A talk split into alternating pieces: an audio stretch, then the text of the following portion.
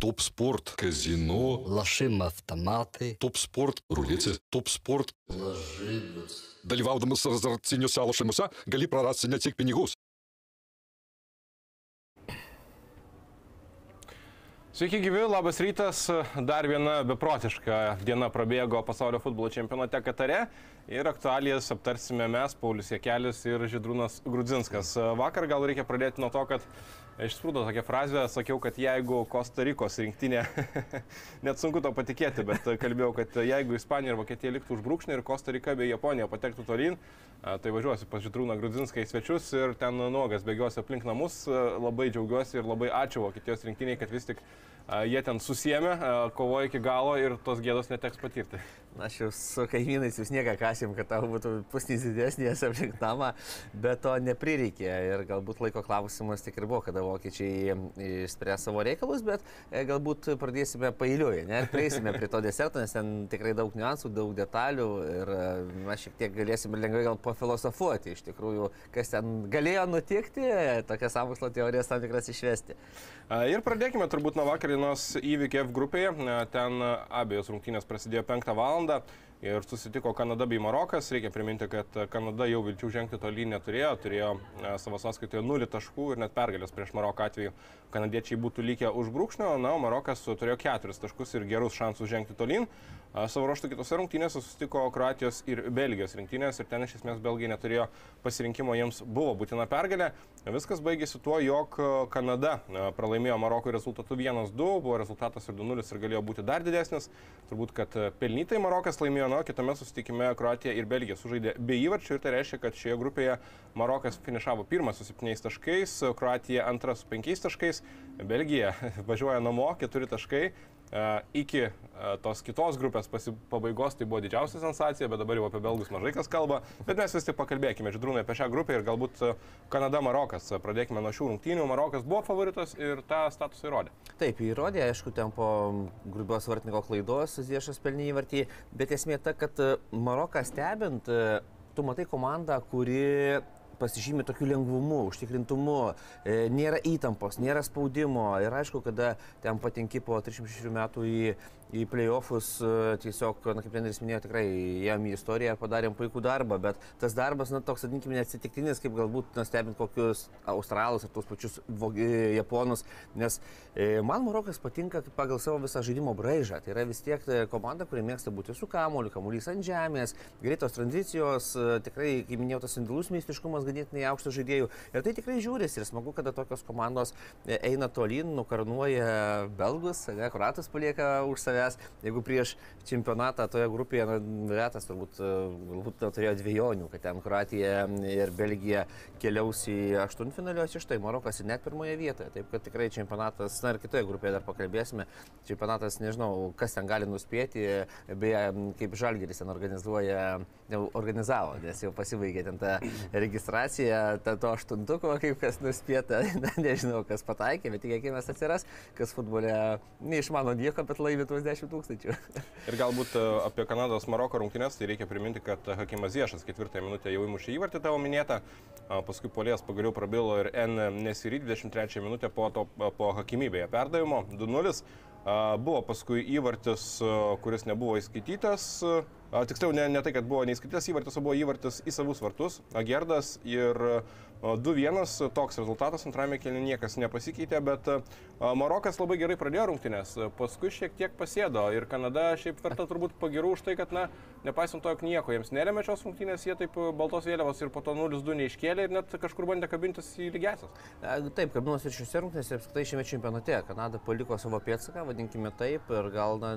Taškelio buvo, bent jau taškelio buvo verti. Sugretinus visas rungtynės, tikrai jie čia... Ypač prieš belgus. Taip, taip, taip. taip. Čia nebuvo taip, kad tie paskutinė komanda ryškiai grupėje, o Marokas kaip pavyzdys pirmie ryškiai grupėje, kuo taip e, pasibaigė šis čempionatas. Taip, kad tikrai e, Kanada jau kai čempionatas vyks, vadinkime, jų namuose, ar, na, šalia namų, kad taip, kad tikrai komanda turinti potencialą šiose rungtynėse parodė, kad gali su tokiom techniškom, greitom e, komandom žaisti jiems priimtiną, taip pat energingą tokį futbolą. Tai yra, jeigu reikia į tą dinamišką žaidimą pirmin atgal gal gali pasileisti be didesnių problemų ir juolab, kad turi kokybę. Tai nėra tai, kad ten bėga kažkaip, na, nepasirdami pasiekmių, kas gali nutikti. Tai yra tas balansą išlaiko gynybos atakos, aišku, galbūt tam tikros pozicijos, vadinkime taip, na, nėra to top lygio, kur kartais pasimato tam tikros spragos, bet iš esmės Kanada labai maloniai nustebino. Kas įdomu, kad kai Maroko rinktinė ar laimi rungtynės, ar pralaimi, tai visada ir Niderlanduose, ir Belgijoje prasideda įvairiausios reušės, tai vakar dėja, bet nebuvo žimtis, ten ir Briuselėje matėme baisius vaizdelius ir a, Hagoje.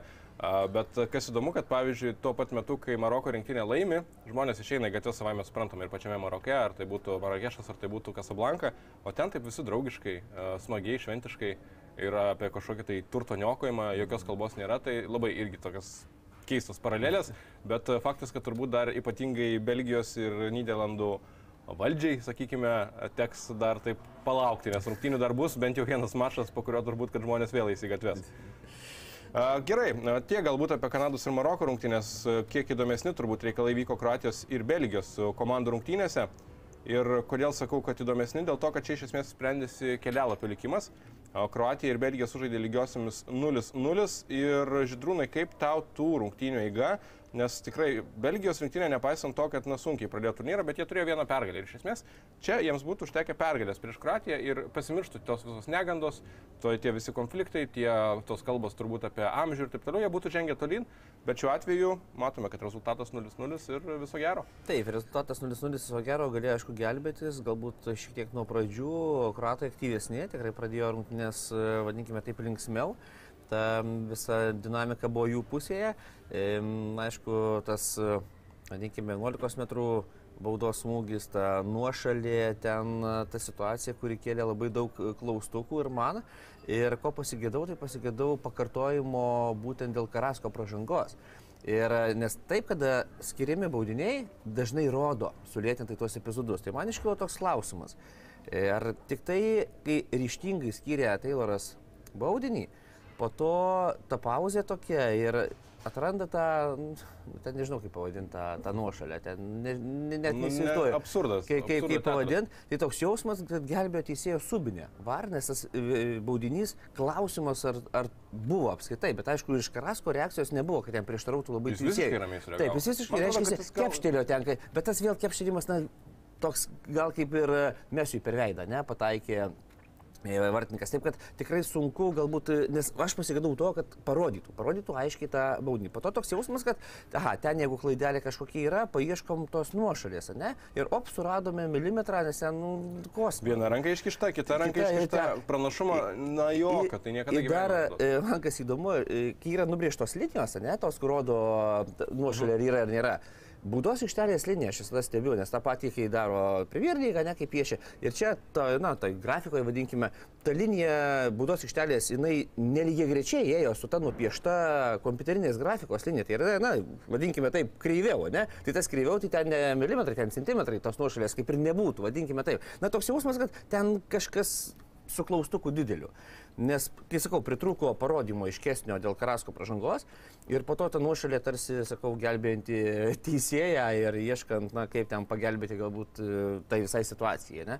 Taip kad, nežinau, man labai toks slidu, bet kai matai visą čempionatą, ar kaip matai tuos lepsusus, kas vyksta, arba na, gerai ten parašyta, pilka zona, ten balta, juoda, bet tų klausimų labai labai daug ir prie jų dar aišku prieis. Aš šiaip dar grįžtant prie šios situacijos irgi vat, norėčiau savo pastebėjimą, kad e, kas yra labai keista situacijose, kuomet būna nuošalė, teisėjai dažniausiai, jeigu tiesiog yra matuojami milimetrai, ne, teisėjai neina prie ekrano žiūrėti. Ir todėl mano, mano variantas šiuo atveju, kodėl e, teisėjas ėjo prie ekrano, mano tokia, aš taip savo galvoje įsivaizduoju, kad galimas scenarius, kad teisėjas ėjo pasižiūrėti, ar Kramaričius kažkaip dalyvavo veiksme ir jau Man atrodo, kad čia tokia situacija, kur na turbūt, kad nereikėtų to traktuoti kaip dalyvavimo atakoje, bet vėlgi prisimenant Grismano situaciją, jau tu nesitikras. Bet kitas dalykas, aš tai pagalvojau, kad galbūt teisėjas jo žiūrėti dėl Kramuričiaus, nes, na, kitu atveju tu ne- neitum prie ekrano. Ta prasme, tu tiesiog lauki, tau pasako, buvo nuošalė, Taip. nebuvo nuošalės, tu gynini, tiesiog ten yra išmatuojami milimetrai, tau tiesiog, tu tiesiog esi informuojamas. Ir man mintis, kad galbūt jis ėjo žiūrėti dėl Kramuričiaus, e, bet e, tiesiog mums paskui 3D grafikoje buvo rodoma ir brėžiama viskas ne dėl Kramuričiaus, o dėl kitų žaidėjų. Tai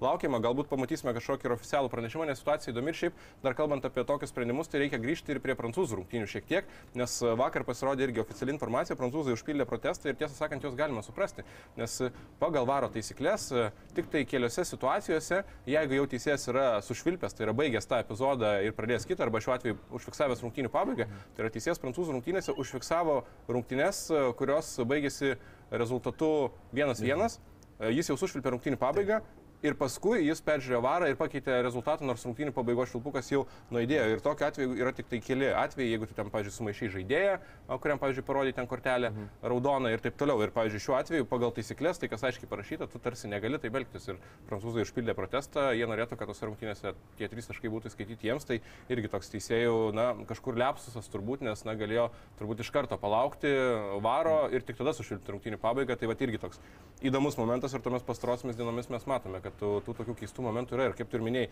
tai kad Karasko epizodas nebuvo, nes jie turi tos super slow mo pakartojimus, ar ne iš arti. Mums parodė iš toli, mums parodė iš toli epizodą vieną, iš kitos pusės kitą ir ten po to atrodo, kad ten ir vaidybos yra tau kontaktų, bet sakau, žaidėjų reakcija. Tai vėlgi teisėjas Taip, gali skaityti, nes nebuvo jokių pretenzijų. Mes ir kolegas Ryčius sakėme, na, kad jau Karasko jaučia, kad jis kažkur užlipo, nes taip, na, taip ramiai, taip jau susijęme, suprato viskas, viskas. Čia jau buvo. Ne, jis mato, kokius skiria Argentinai 11 baudos smūgius, kaip Ronaldų krentas, tai jis turbūt prilėtė suprato, kad viskas, jau dėtė ką kalbėti, pastatysi ant taškelio ir viso gero. Tai tikrai, tikrai daug klausimų ir e, tas trečiasis turas na, daugumoje, daugumoje grupių tiesiog su dideliais klaustukais, kalbant apie tą lemiamus veiksnius aikštėje. Taip, šiuose rungtynėse reikia paminėti, kad pirmas kelnys toks gana įdomus ir gana apylygis, bet antrajame kelnyje Romelu Lukaku.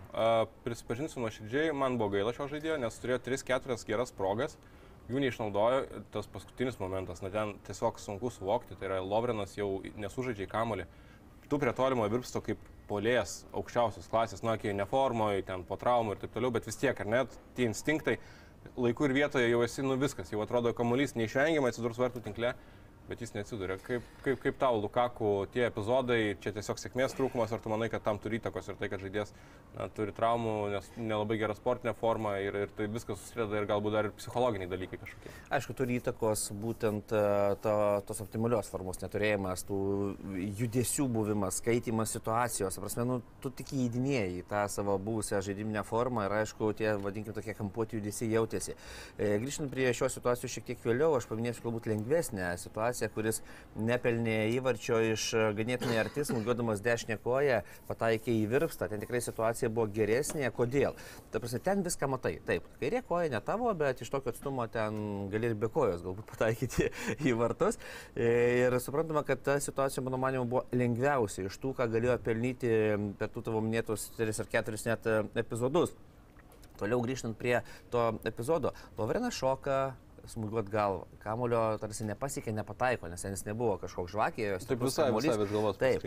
Ir atkreipkite dėmesį, į kur Lukako atsitrinkė kamuolys. Tai yra, vadinkime, į dubens rytį, ne, na, į pilvos rytį. Ir ten nei koja, nei galva, nei spėsi susigrupuoti iš dalies apmaudu, kaip apmaudu kalbant iš šioje pusėje, tai, kad e, jisai nespėjo, taip vadinkim, kūnų pasisukti į vartus, kad nuo kūno atšoktų tiesiai į vartus. Jis atbėginėjo, taip, e, na, vadinkime, lygiai grečiai gal su vartų linija ir tas kamuolys taip jį atsitrenkęs ir nurėdėjo link, link vartų, link tos uh, linijos. Taip, kad ten aš jo labai nekritikuočiau, kalbant iš to žaidybinės pusės, nes ten susigrupuoti labai sudėtinga, nes, na, tu matai šoka gynėjas, paskui tas kamuolys kažkur tau jį atsitrenkia į pilvos rytį, bet tai vėlgi sėkmės yra tam tikras faktorius, tai jis tarsi na, jie į tą antrą kėlinį švaistė į panašias progas. Prisiminkime, kur galėjo pelnyti įvartį dar. Smūgis buvo toks labiau į vartų pusę ir jis kairė koja, jis kairė kojas ten tikrai turėjo tą pridės koją taip, kad kamuolys įeitų į vartus, nes net kiek irgi 4-5 metrai iki vartų, na, atšoko kaip nuo medžio į užgalinės linijos į kitą pusę. Tai vėlgi štai tokie epizodai ten duoda per psichologiją. Tu neišnaudoji vieno, vadinkime, momento, antro, ten prisiminkime. Galva kaip, į tuščius vartus. Galva, bet ten irgi buvo pridėtimas kamulio, net ta trajektorija pakilo šiek tiek jis ant tą kaktą pastatė ir po to dar buvo viena situacija, kai jis bandė mušti įvartį jau krisdamas, ta ten sekundės dalis, kai gynėjas iš pokojos jam išmušė kamulį. Tai yra vienas, antras, trečias. Ir kad kada tu nesugebi įmušti įvarčio, net tokio lygio puoliai jie tikrai krenta, vadinkime, į tą tokią depresiją, ne? Tai yra mandražas. Ne lietuviškas žodis, bet... Bet mes visi suprantame. Bet tai taip, tai yra tarsi vidinis, kada tu neišnaudoji vienos, antros, trečios progos ir tu degi, dega komanda, tu keliauji namo. Tai įsivaizduot, kas darosi. Ir nežinau, ar matėjai vaizdus, eidamas po švilpuką, po rungtynių, Lukaku kai davė į tą... Jau vienoje situacijoje pataikė į tikslą. Taip, ir pataikė taip, kad ten ta plasmasė iš... Ten prie atsarginių žaidėjų Taip, taip, taip, tai tas. Bet geras smūgis. Kai, išjėbė. ja, ja. UFC gal paskambins. Na, tai da- dabar dėl ko aišku, ką, kad rūbinė jisai skyrė žaidėjas, nes na, nesinori ten papulti po tokią kuvaldą. Taip kad e, štai taip išlėjo pykti ir aišku, buvo rašaros, viskas taip, kad e, tikrai gaila dėl jo, gaila dėl Belgijos, bet Na ką Patys darysi, patys kalti, taip, yra prieš tai dvi rungtynės galų galė ir šitas futbolas, taip kad um, tikrai, na, Lukaku galėjo būti gelbėtojai, vadinkime taip, ir išnešti komandą ant savo pečių į aštuntfinalį, bet ne šiais metais, ne šiame pasaulio čempionate, ir turbūt kitame irgi ne. Kenas Debriunė pagaliau, ar ne? Sužaidė gana solidžias rungtynės, buvo raktinių perdavimų, kuriais tiesiog reikėjo pasinaudoti komandos draugams ten. Jau matėme tą, vadinkime, kopiją net to tikrojo Keino Debriunės, kad taip jau vadovavo, jau perdavimai, aštrumas, galų galia prie vienos situacijų, jis ten į būdos aikštelę su kamuoliu įlindo, ten pats galėjo įmušti atšauko kamuolys, kada Lukaku pataikė į verpstą. Taip pat tikrai jau matėsi, matėsi tas e, lyderis komandoje, apie kurį sukasi žaidimo organizavimas, kamuolių skirstimas, surišimas gynėjų su puolėjais, taip pat tikrai jau, jau buvo tas Kenas Debriunė, bet na, ką. Ir dar norėčiau paminėti vieną žaidėją, apie kurį vakar labai daug kalbama ir jis ne iš Belgijos rinktinės, tai yra kroatų gynyba.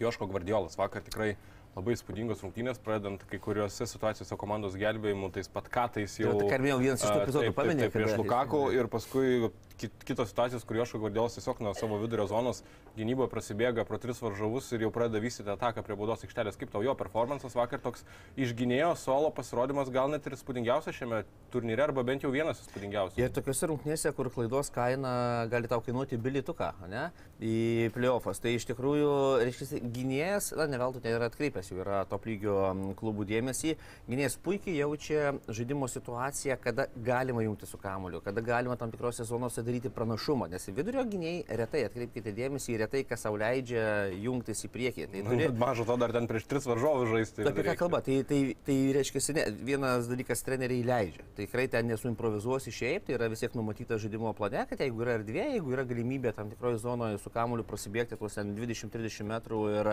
jau vidurio zonoje padėti komandai kontroliuoti kamuolį ir suteikti pranašumą, tai, tai iš tikrųjų galima. Bet ką, tada turi turėti puikų situacijų skaitimą, tikrai ar verta lysti tenai, ar nesisiduokim, gynėjas vidurio su kamuoliu bėga, ten 30 metrų kažkur į vidurio zoną, jau atitinkamai atsiveria tavo skylė, kažkas turi uždaryti, turi komanda pasislinkti, jeigu tu ten pradėsi tuos kamuolius.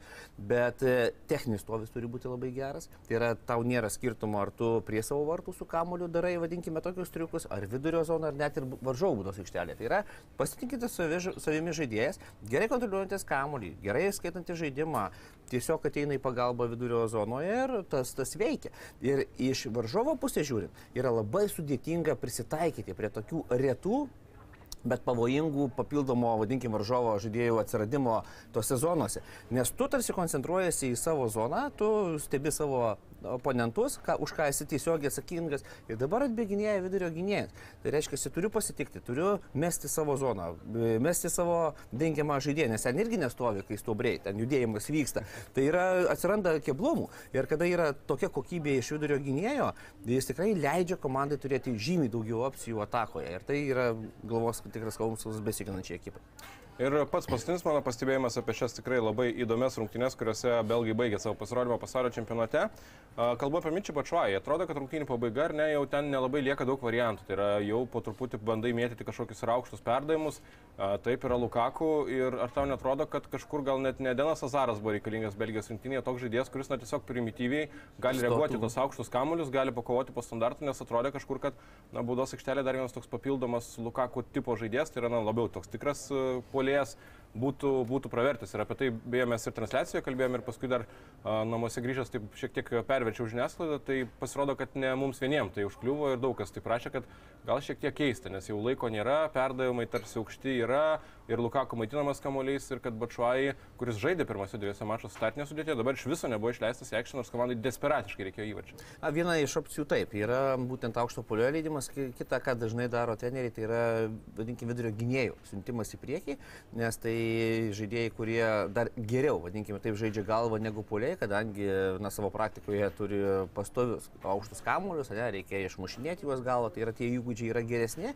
Ir ten tikrai vienas iš variantų, na, kaip minėjai, puoliai išėjimas, Vačiaus kitas, aišku, stumta ar Alderilda, ar tą patį Vertongeną į tas zonas, na, rizikuoti ir bandant tai primityviai žaisti, nes, na, matėme, kad pati rungtynių pabaiga jau sudėtinga, jau tu skubėjai, jau prasideda hausiukas. Bet, bet momentėlis buvo tas. Buvo, taip, taip, taip, taip, tas, tas buvo. Jau bet- geriau futbole tu nieko nesugalvoji Ne, praktiškai. tai tikrai tiesiog- ne, ten įmušk ir, ir, žodžiu, ir laidų į kruatas, o dabar dėja tenka patiems keliauti namo. Taip, ten vienas iš sprendimų. Uh, užverėme turbūt lapą, kalbant apie šią grupę ir keliamės tolyn, o ten irgi buvo tokių beprotiškų dalykų, kad, na, man vietomis buvo sunku patikėti ir jau komentuodamas irgi pasidaviau emocijoms, uh, na, natūralios tos emocijos, kai komentuoji, jos arba yra tos emocijos, arba nėra. Ir būtent visas futbolo grožis, man atrodo, ir yra. Tas, tas vat, futbolas, kuris tau kartais padaunoja emocijas, kaip tu būni net nusteikęs, kad, ai, čia tokios prastesnės rungtynės, paims tie ispanai pervažiuos per Japoniją ir viskas to baigsis, o galų gale uh, Kostarika 2, Vokietija 4, bet primenu, vienu metu Kostarikos rinktinė pirmavo ir jeigu jį būtų laimėjęs, jį būtų žengus tolyn. Ir taip pat tuo pat metu Japonijos ir Ispanijos rungtynės rezultatas jau buvo 2-1. Japonija pirmavo ir matėme tą gyvą lentelę. Japonija, Kostarika viršuje, o Ispanija ir Vokietija apačioje. Ir tai buvo 70 rungtynių minutė, ne ten 10 minutė, ne 15.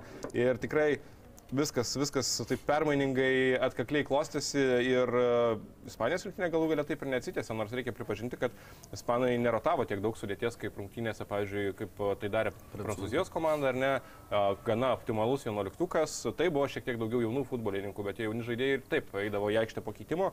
Na, bet Židrūnai, gal pradėkime nuo Vokietijos, ne, nuo Manshaft dalykų ir Kolega Ervinas Kutkauskas, pacituosiu, po rungtynių sakė, kad šiandien aikštėje mes matėme vokiškas asyskas. Ar tu e, pri- pritari tam?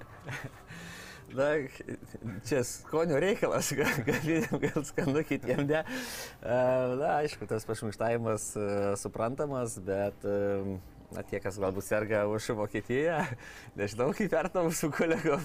kolegos Tai jau parašė kokį piktą komentarą. Gali būti visko, bet e, esmė ta, kad, na ką, jie savo rungtynės laimėjo, vadinkime taip. E, To jam būtų pakakę, jeigu ispanai. Ne? Tai vat, e, dabar klausimas tada, kam tuos klausimus uždavinėt labiau, ar, ar vokiečiams, ar, ar ispanams. Bet pats futbolas toks, kur tikrai neįtikino nei manęs, nei, aišku, kolegų, kas tiesiog nemetelė buvo tas žaidimas, nes vokiečiai taip e, grubiai klyzdami savo aikštės pusėje ir prie savo vartų tikrai darė net leistinas klaidas ir ta intriga kaip niekis nežintos minties jie buvo. Taip kad su tokiu futbolu ten aštuntfinalyje na, tikrai būtų labai labai sudėtinga. Kita vertus, vėlgi ten tie visi matematiniai dalykai. Ne? Nes na, futbolas tas, kad tikrai matėsi, kad vokiečiai vis tiek geresnė komanda, nėra ką šnekėti. Ne? Ten įmušė tuos įvartukus. Šiaip pradėjo labai gerai, Taip, ne? pradėjo Ten gerai. gre- greitai ir, ir, susimušti. ir, ir taip galvoju, ha, trečią minutę momentas, aštuntą momentas, dešimtą pelnė įvartį, kiek reikia įmušti, na, aštuonis. Kodėlgi ne, 90 minučių, mušikas ten 10 minučių įvartį, kas teoriškai, na, vadinkime, įmanoma. Galbūt tai nelengvai įgyvendina, bet tikrai įmanoma, nes tų momentų turi vokiečiai.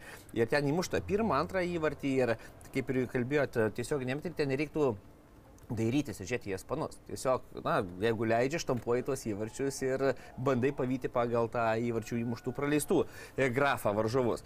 Taip kad, e, na, nepavyko čia, bet aišku, jų akis ir viltys, manau, buvo ir į ispanus dedamos, bet ten nežinau, Pauliau, kaip tau, ten toks jausmas, kad e, yra ir aikštėje, ir už aikštės ribų paruoštas planas A, B ar netgi C.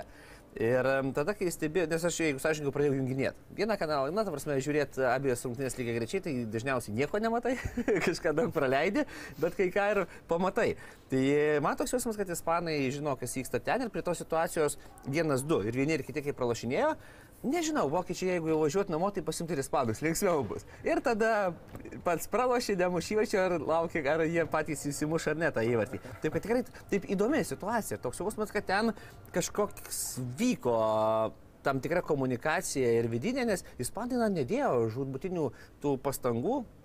Lyginti rezultatą, aišku, Olmo turėjo e, pabaigoje rungtynių ten gražiai kombinacija, senelė ir pramušė vartininkas ten patraukė kamuolį. Taip, kad tarsi įrodo, kad jie siekia tų lygiųjų. Bet kad ten verstusi per galvą labai, kad ten žudbūt kažkur eitų va banką, rizikuotų, dar kažką, na, taip nesimatė. Aš gal šiek tiek taip tokia stosiu gynybą. Luiso Enrikės e, visų pirma, man kas atrodo, kodėl aš taip nelabai tikiu, kad, tarkim, jie vakar užsėmė tą matematiką ir kažkaip man atrodo, kad e, taip pritariu tau dėl to, kad tikrai nebuvo rungtynių pabaigoje to tokio, kad na, mums žudbūt Taip, kad Tai yra, žudbūt. mirk arba gyvenk, mes darysime viską, bet mes kaip nors išplėšime. Ta prasme, to jausmo nebuvo, bet tuo pat metu buvo jausmas, kad ispanai turi persvarą, ieško erdvių, galbūt kažkur šiek tiek pasyviai, bet nebuvo man tokio įspūdžio, kad na, jau ten visiškai atsitraukia tokį kažkokį atsargų futbolą. Bet um, kodėl noriu būtent paminėti, dėl to, kad na, visų pirma, jau ten 70 minutė buvo tokia situacija, kad ispanai patys buvo įsprausti į kampą, tai yra jie buvo nukritę į trečią lentelės vietą. Ir na taip rizikuoti, matant kaip Vokietijos rinktinė ten va, tose rungtynėse plaukėjo, na pagal rezultatą, ne, nes faktas, kad jie rungtynį nematė, tik tai sužinodavo visą rezultatą. Aš manau, kad jie tikrai nenorėjo patys savo rizikuoti ir kad būtų priklausomi nuo vokiečių. O galų gale gavosi taip, kad realiai uh, Vokietija nesulaukė uh, ispanų malonės, o Ispanija sulaukė vokiečių malonės, nes jeigu Vokietijos rinktinė tas rungtynės būtų pralaimėjusi, tuomet ispanams irgi būtų viso gero. Tai man atrodo, kad uh, jie žinodami tą dalyką ir žiūrint į keitimus irgi, tai yra keitimai buvo išimami tie, kai kurie labai jauni žaidėjai pradėjo tas rungtynės Ispanijos komandai ir tarsi buvo ieškoma variantų puolime, galima taip ir konkrečiau atsiversti, atsiversti tų rungtynių protokolą.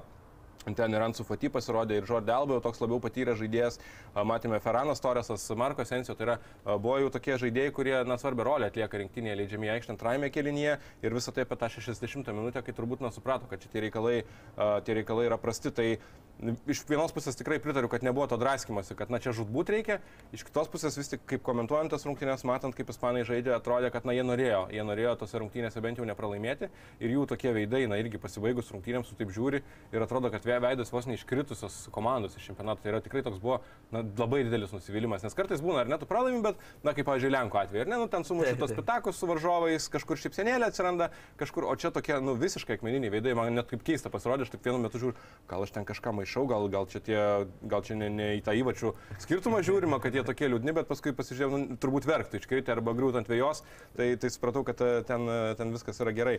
Tai, e, bet e, šiuose rungtynėse Ispanija, Japonija turbūt tą reikėtų ką paminėti.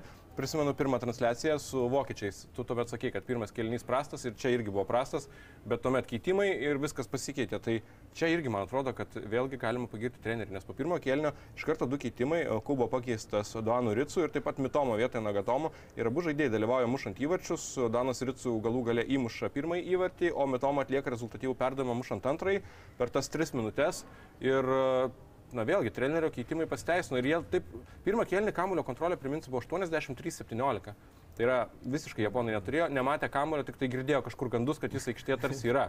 O, o čia mes matome, kad jie išėjo iš karto agresyviai, pabandė šiek tiek paspausti, įmušė du įvarčius ir aišku paskui atsitraukė. Kaip va tau tas, e, tie, tie du įvarčiai ir tas japonų gebėjimas taip drastiškai greitai viską apversti. Na, tas, vadinkime, taktinis lankstumas vėl e, davė savo vaisių, nes, e, na, japonai neturėjo ką prarasti, vadinkime taip. Ir tas toks persilaužimas, manau, ir su nemaža atsipalaidavimo iš Ispanijos pusės e, dėka japonai sugebėjo laimėti, aišku, nekė, gal dar reiktų paminėti tą momentą dėl kamulio. Taip, taip, vadinkime pakalbėsim. to. Taip, išėdėmo. Tai vėlgi aspektas, kur, na, jeigu praleidai įvartį, tau atrodo, kad ten kamuolys užžybėje, vėl ten galvoje viskas maišosi, nes juolap, na, vienas, du pralaiminėjai, ten, nežinai, tiksliau žinai, kas vyksta e, kitame stadione, kur tau rezultatas nepalankus. Tai vėlgi yra tų psichologinių dalykų. O ką minėjai dėl ir ispanų akmeninių veidų, tai manau, jie patys pajuto ir savo tam tikrą silpnumą, savo tam tikrasias silpnas vietas išryškino e, japonai, kur aštuntfinalyje gali pasinaudoti ir varžovai. Tai yra toks, ta, ta tokia emocija, matėme, kad e, na, toks nepasitikėjimas savimi po tokių rungtynių. Nu, japonai, kai ant sparnų, tikrai tie, kaip minėjau, taktiniai sprendimai įnešė e, gyvumo, įnešė teigiamą rezultatą ir po to tokią komandą yra sunku sustabdyti. Pažiūrėkime, kaip jie visi dirbo po to aikštėje. Aš taip, aišku, japonai ten dirba, jiems liepia, jie ten bėga iki numirimo. Bet turiu minytas visas komandinis ir be kamulio judėjimas, ir su kamulio komanda tikrai e, buvo taip aštriai bėgant į ataką, aštriai grįžtant į už kamulio linijos. Tai prasme, visur jų buvo pilna. Toks jausmas, kad ten vienu metu tai pradėjau skaičiuoti gal japonų daugiau aikštėje, nes norą jie didesnį rodė būtent žaidžiant be kamulio. Taip kad aišku, kad jie vėl pirmi grupėje kaip kad Maroko. iš Neįtikėtina, kad japonai tikrai. grupėje, pirmoje vietoje grupėje. Bet tu Wow. pralaimi Kostarikai, nu, na palauk. Nu, Visi jau sako, na, sorry, Tai taip. ačiū vokiečiai, jau tau dėkoja vos ne ir... Tai va, žiūrėkime, dabar kalbam apie taktinius sprendimus ir pa- pataikymą į dešimtuką. Persilaužė rungtynėse su vokiečiais, ne keitimai savo įtaką turėjo, su Kostarika. Na, baisus rungtynės palyginus pagal tai, kaip Taip, sužaidė ten- Japonai ten- ir kaip dabar sužaidė. Ta prasme, tai vėlgi e, kalbam apie komandos e, tą brandą tokią, ne, kartu ir taktinę. Kai kur iššauna, pataiko labai gerai, su Kostarika tuščios rungtynės, susikūrė milžiniškas problemas, kalbant apie patekimą, dabar vėl bum bum sukrenta kortos ir tu nuš, nu, įveikė e, ispanus. Taip kad tikrai, na, tokie amerikietiški kalneliai, kalbant apie japonų žaidimo kokybę ir dabar vertinus tai, kad buvo pikas, duobė su Kostarika, pikas su ispanais, na, ką lauksime duobės aštuntfinalį. Ok, tas momentas, kamulio išlydėjimas, aš komentavau tas rungtynes ir taip aš visų pirma, aišku, kai jau japonai švenčia, nes man pirmas įspūdis buvo, kad tikrai perdavimo metu nuošalės nebuvo, bet na pirmas įspūdis, okei, okay, gal neįskaitė dėl nuošalės. Tada aišku prisimenu Ne, tą, tą nuošalės. epizodą dėl kamulio. Varas, gana ilga pauzė, šiaip užtruko keletą minučių. Taip ir nebuvo mums parodytas pakartojimas iš vidurio ir čia galima turbūt grįžti prie to, kad vat, irgi daug apžvalgininkų ir ekspertų kalbėjo, kad šiek tiek gaila, kad va, tokiam situacijom šiaip jau nėra kažkokios technologijos sugalvota, nes tarsi būtų įmanoma, ar ne, yra ir tie čipai kamoliuose, ir aišku, kur yra linijos, ir šiuo atveju technologijos nėra, tenka nustatyti iš tų kamerų. Iš tų kamerų, ką matėme, tai turbūt reikia žmonėms priminti vieną dalyką, kurį kartais toks paprastas gerbėjas įsijungęs LRT Taip, pamiršta. Nes, pavyzdžiui, mano močiutė sako, tai kaip čia taip, vakar man skambino pikta, sako, nesuprantu, čia apvogė tą Ispaniją, kamuolys išrėdėjo, tas teisėjas aklas nieko nemato, sakau, močiutė ramiai, taigi aš tai aiškinu transliacijoje. Aišku, jinai vis tiek nieko nesuprato, ką aš šiandien bandžiau aiškinti 10 minučių, bet esmė, kad kamuolys net jeigu ore, tai yra dalis su linija kertasi, yra kažkoks prisilietimas, kad ir milimetrinis, tai nėra užribis, kamuolys turi visas išrėdėti už tos galinės linijos ir šiuo atveju iš tų visų pakartojimų, tai ką aš mačiau, tai kad a, turbūt teisėjai priėmė teisingą sprendimą. Kaip, kaip tau tas momentas? Kiek ten buvo? 1,88 mm. Kažkas tokio, ten tikrai mes kalbame apie visiškai Taip, taip, taip. milimetrus, bet iš tų visų kamerų tikrai nebuvo nei vienos vietos, kad aš va taip pasižiūrėčiau ir sakyčiau, ne, čia šimtas procentų jau buvo out. E, Nes žmonės mato tą žalę plotelį už Taip, taip, linijos, kam, kam, kamuolys tai yra lietęs į uždinės ir būt- viskas. Tai ir, jie, ir jiem atrodo, kad čia viskas, jau kamuolys skirto aikštės ribas, ne, nors kiek, va, būtent ten 1,8, ten liktai ir patys japonai jau pagavo kampą, ten vos nevedė linijas e, po rungtynių ir ten yra būtent tas, na, tarsi, kabina. Kabina, ta, vadinkime, iš viršaus vedant tokią projekciją, kabina tą linijos kampelį ir tai yra kamuolys žaidime. Nes vizualiai atrodo, kad tikrai tas kamuolys visas, na, perdavimas, bet būtent na, įrodymas to, kad ten varas turėjo darbo, tik klausimas dabar, e, kai yra vartų linijos ta technologija, ne, kamuolys taip į vartus mums rodytų tą grafiką. Dabar, kai kamuolys jau na, už galinės linijos, bet ne vartų plotė, ten, na, niekas nerodo to, to epizodo, nors kartais dabar gal- galbūt galvoju, ar Premier lygoje būdavo, kai duoda, pavyzdžiui, perdavimą iš krašto ir kamuolys ore kerta galinę liniją. Ar rodo ar ne mm, kameros tą epizodą, tą grafiką? Dabar taip tikras. Gal, gal ir ne, gal ir ne. Nes, na, ten jau teisėjo asistentas vizualiai pamato, ar ore kamuolys kerta ką, liniją ar ne. Taip, kad čia tikrai tas momentas įnešė painiavos, bet faktas tas, kad e, mano manimu, jeigu būtent pagal taisyklės, kad kabina šiek tiek, kad ten 1,88 mm, tai buvo kabinimas tos linijos, vadinkime, ore, ne, tai reiškia, įvartis turėjo būti skaitytas. Ir tikrai pagarba Japonijai, nes komanda, kuri sugeba įveikti grupių turnyrą Vokietija ir Ispanija, yra verta žengti tolyn iš pirmos vietos ir uh, nors tikrai netikėjau tuo, bet nusimu kepurę ir pagarba visiems pasaulio Japonams. Jūs šaunuoliai. Uh, taip, uh, poros atkrintamųjų, uh, tai yra uh, ši E grupė susitiks su F grupė ir tai reiškia, kad Japonija iš pirmos vietos žais su Kroatija. Antroje vietoje manau, kad uh, kroatai e, labai džiaugiasi, nes, na, potencialiai, tai yra, jie jau suprato jau prieš turbūt turnyrą, kad labai realu, kad jeigu žengsi toliau, tai arba Vokietija, arba Ispanija, nu, turbūt 99 procentai. Taip, taip. Dabar tu gauni Japoniją, aišku, jų neįvertinti tu negali, bet vis tiek, e, žiūrint objektyviai, tai yra varžovas, kurį turbūt įveikti, tu turi šansų daugiau. Jeigu, aišku, tu žaidi gerą Ir gal futbolą. jau nekalbėkime apie to šansą. Ne, nu, tai, tai jeigu pagal tą logiką, tai mums čia reikia jau susipakuoti, va, mikrofonas, Taip, taip, viską taip, kamolį taip. pasiemam ir namo. Jau, Tikrai bet, bet taip. pabandykim dar, dar pabandykim dar. Taigi, Kroatija prieš Japoniją ir Ispanija prieš Maroką. Taip kad Marokas laimėjo grupę, bet aišku, Ispanai nėra dovanėlė. Kita vertus, Marokas jau parodė, kad gali būti solidus, bet turbūt plačiau apie tai tuomet kitos rungtynės artės ir kelkime galbūt tai, kas mūsų laukia šiandien. Mm, Trumpai aptarkime, 5 val. Gana Urugvajus ir Pietų Koreja prieš Portugaliją. A, Tai yra H grupė, priminsiu situaciją, Portugalija 6 taškai, a, Gana 3 taškai, Pietų Koreja ir Urugvajus turi po vieną vienintelį taškelį. A, Kaip tau prognozijas šioje grupėje ir tie du maršai, ko iš jų tikiesi, ką matai kitame etape? Matėm Prancūzijos e, situaciją, Ispanijos. Kalbu apie, tai, Matėm. kad, matėm. Kalbu apie tai, kad Portugalų scenarius gali būti toks pat, jeigu vyks tie, vadinkime, na, jie tikiuosi, kad vis tiek bus tam tikrų pokyčių sudėtyje, kurie klausimas kaip, kaip uh, atsispindės e, būtent Portugalų žaidime. E, Pietų Koreja, manau, galima prilyginti Japonams pagal visą tuos kultūrinius mentaliteto dalykus, pagal požiūrį į, į tas atsakingas rungtynes. Ir, na, sakau, čia prognozuoti, gal ne, nieko neprižadam, ne, jokių pažadų nedalinam, bet tikrai e, manau, kad tai, ką matėme, Ir kokie scenarijai buvo, tai Pietų Koreja turi šansų, turi galimybių susitvarkyti su portugalais, jeigu pastarieji, na, žais arba bent jau e, žiūrėsite tas rungtynės kaip mano minėtos e, komandos. Taip kad Čia tikrai sunku ką pasakyti. Pietų Koreja tikrai, manau, gali, gali laimėti šias rungtynes ir tiesiog toliau kautis dėl galimybės patekti į playoffus. Na, gana Urugvajus, ten galbūt tokios, vadinkime, lygesnės gali būti rungtynės, nes kažkaip vis tiek tikiu, kad portugalai pasimokys iš, iš šitų savo oponentų būsimų e, klaidų. Ir čia gana Urugvajus net e, vėl, taip, na, apibendrinus tai, ką matėme, gana improvizuojanti, gana vis tiek ta tie afrikiečių dalį, jie kitokie yra. Ir su kamoliu, ir kartu, aišku, gynyboje be kamolio, bet gana turi viską. Turi e, visose grandyse, vadinkime, lyderių. Ir kaip komanda tokiuose rungtynėse gali primesti savo atakuojantį futbolą. Urugvajų savo ruoštų komanda, kuri nemanau, kad žais pirmu ryškiu numeriu, tai yra, nors jiems pergalė reikalinga, jie privalo laimėti. Taip, jie šitas- neturi kito varianto. Jo, jie kito varianto neturi, bet e, nemanau, kad nuo pat pradžių Urugvajus bandys spausdusinti Ganą, nes e, ta priekinė linija Ganos yra gera. Tikrai gera, gali nubėgti, gali pelnyti įvačius, gali savo pozicijoje vienas prieš vieną tvarkytis ir su gerais Urugvajus gynėjais, bet iš esmės manau, kad tos rungtynės gali pasibaigti lygiosiamis, o pietų kurie užkabinus Portugalus vėl įnešti sumaištį šioje grupėje. Na, sakau, scenarijai įvairūs, mes pasimokėme e, tu- tomis spėlionėmis, bet e, jeigu sąžininkai tikrai ta painiava, kur kiekviena komanda gali užimti tą vietą, kuri leis keliauti aštuntfinalį. Ir Pietų Korejos rinktinė irgi netinka lygiosios, reikia paminėti, tai su Portugalija tai yra jiems reikalinga pergalė, pergalės atveju jie turėtų keturis taškus, bet šiaip viskas savo rankose čia laiko gana.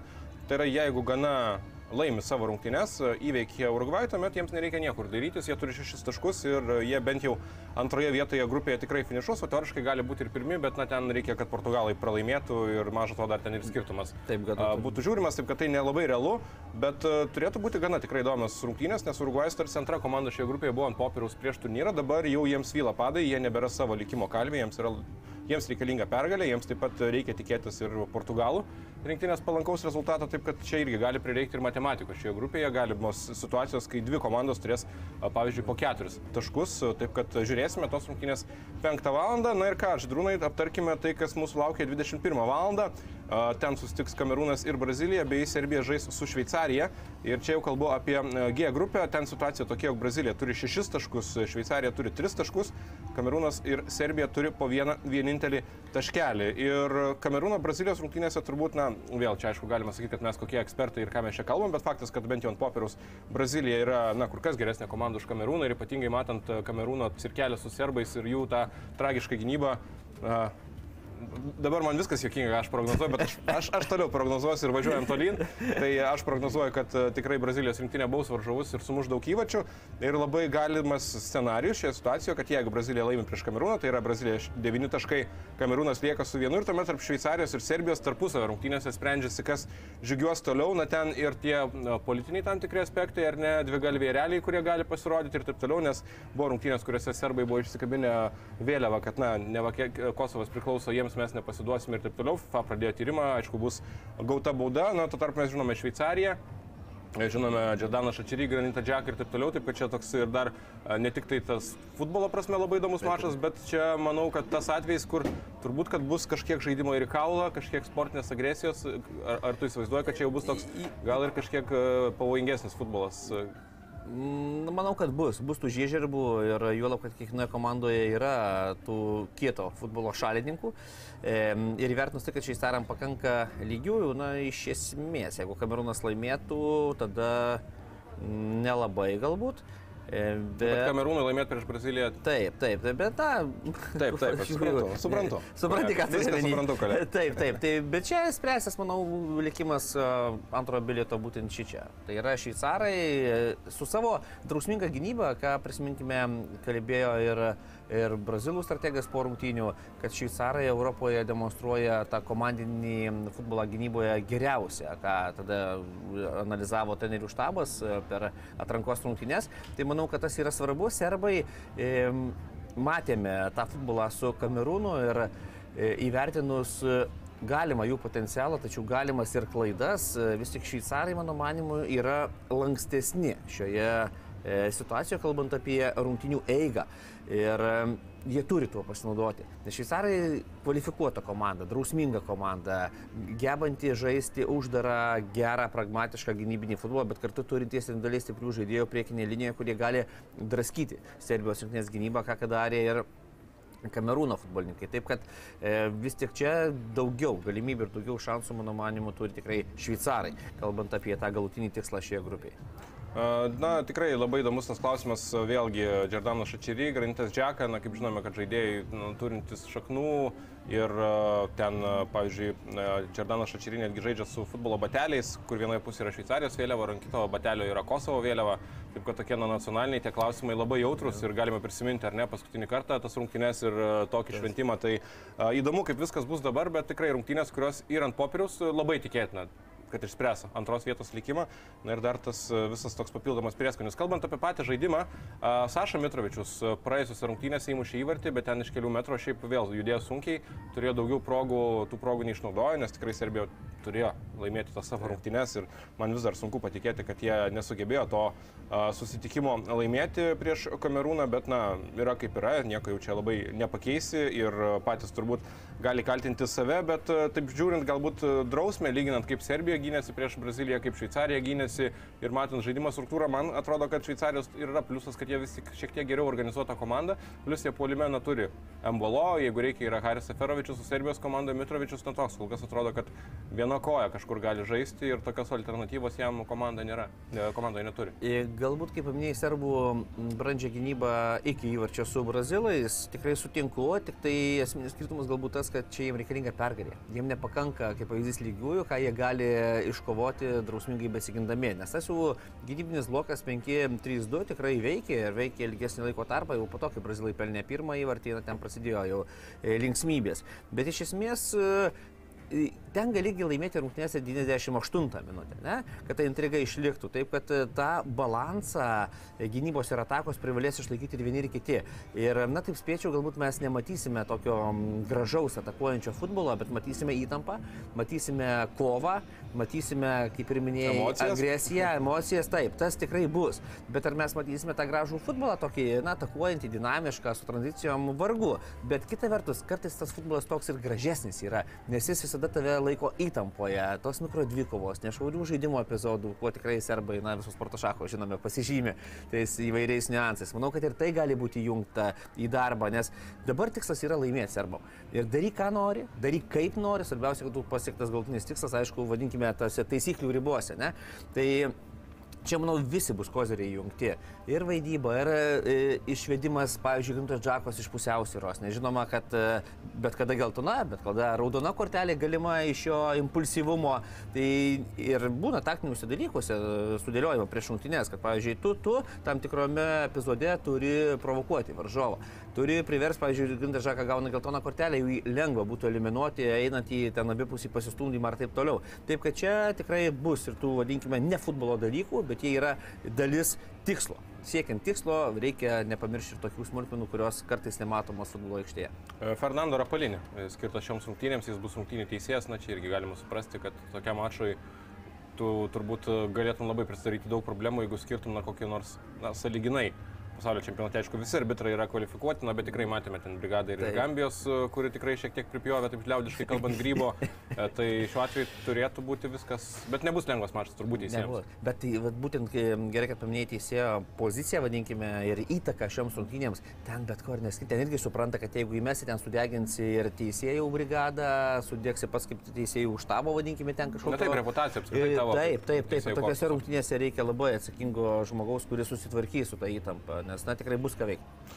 Na ką, a, turbūt tiek šį kartą iš mūsų, Paulius Jekelis, Židrūnas Grudzinskas ir primenu, kad susitinkame kiekvieną rytą, taip kad jau rytoj įjunkite vėlgi tiesioginę transliaciją ir aišku, būtinai prenumeruokite mūsų kanalą, kad nepraleistumėte visų aktualiausių video. Ačiū, kad žiūrėjote, gero futbolo ir iki greitų susitikimų. Viso, iki. Топ спорт, казино, Лошим автомати. топ спорт, рулети, топ спорт. Lažybos. Dalyvaudamas azartiniuose lošimuose gali prarasti ne tik pinigus,